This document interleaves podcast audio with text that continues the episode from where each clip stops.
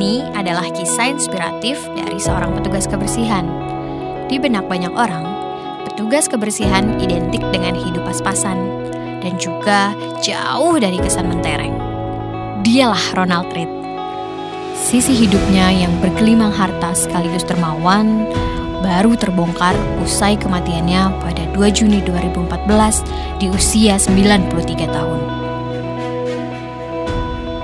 Sebelum cerita, balik lagi bersamaku Vina yang akan menceritakan kisah-kisah inspiratif dari bidang pasar modal. Jangan lupa di like, komen, dan subscribe untuk mendukung channel ini ya. Oke, kita mulai dari kisah hidupnya yang sederhana. Dan mungkin bisa jadi teladan buat kita semua. Ronald Reed berkarir sebagai petugas kebersihan. Setelah tak berapa lama menjadi petugas di stasiun pengisian bahan bakar umum. Ronald Reed juga hidup jauh di bawah standar rata-rata orang di sekitarnya. Mengendarai mobil biasa yang bukan mobil mewah untuk mobilitas harian. Dia juga jarang sekali makan di luar rumah, kecuali sarapan murah di kedai sekitar lingkungannya. Ronald Reed juga memilih untuk memarkir mobil tuanya yang cukup jauh dan berjalan kaki lebih lama untuk menghindari tarif parkir sepanjang bekerja. Urusan liburan? Hmm, jangan tanya. Rekreasinya malah produktif, tidak konsumtif. alih-alih bayar sewa lapangan golf atau bepergian. Pria yang lahir pada 1921 di Vermont, Amerika Serikat ini malah menikmati memotong kayu pada momen liburannya.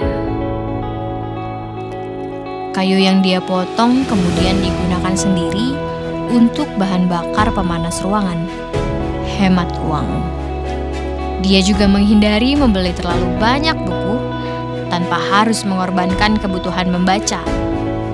Gantinya, dia pilih untuk rutin mengunjungi perpustakaan di sekitar lingkungan rumahnya. Dari segala pola hidup sederhana itu, sudah cukup bagi orang sekitarnya untuk menganggap bahwa Ronald Reed memang tidak punya uang. Bahasa kasarnya adalah golongan kurang mampu. Hidup hemat bukan berarti tidak menikmati hidup. Reed sangat menikmati hidupnya yang sangat bersahaja. Tidak terjebak pada red race, sebuah istilah untuk tindakan mengejar sesuatu tanpa henti. Dia memilih menggunakan uangnya sesuai dengan tingkat kemampuan dan tingkat kebahagiaannya. Aish, mantap. Tapi saat itu orang-orang belum tahu bahwa di balik kesederhanaannya, Ronald Reed rajin berinvestasi. Investasi di saham-saham perusahaan besar atau blue chip yang rajin membayarkan dividen. Setelah menerima dividen yang dibagikan perusahaan-perusahaan pilihan investasi itu, Ronald tetaplah Ronald.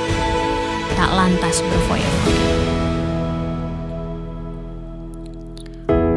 Uang yang diterima dia gunakan untuk diinvestasikan kembali Teknik ini ia lakukan berulang-ulang selama bertahun-tahun hingga efek compound yang ajaib terjadi.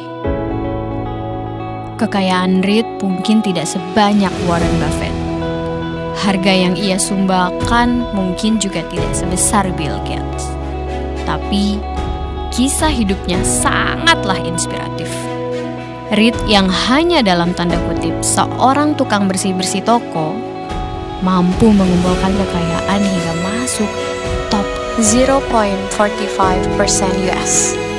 Dan for your information, menurut statistik, jumlah orang di US alias Amerika Serikat yang memiliki kekayaan lebih dari 5 juta dolar hanya 0,45 persen. Artinya, Ronald Reed masuk dalam kelompok elit itu. Wow, gak nyangka ya top 0.45% di Amerika Serikat berisi salah satunya seorang yang berprofesi sebagai petugas kebersihan dan juga pengisi SPP. Dan sekali lagi, Itu terjadi karena pola hidup sederhana dibarengi dengan konsisten berinvestasi. Teknik investasi saham REIT sungguh simpel. Cari perusahaan besar dengan fundamental bagus dan rajin membagikan dividen. Uang dividen lalu diinvestasikan kembali. Lakukan berulang-ulang hingga keajaiban kompon efek seperti sudah saya bilang tadi benar-benar terjadi. Walaupun mungkin butuh waktu belasan hingga puluhan tahun.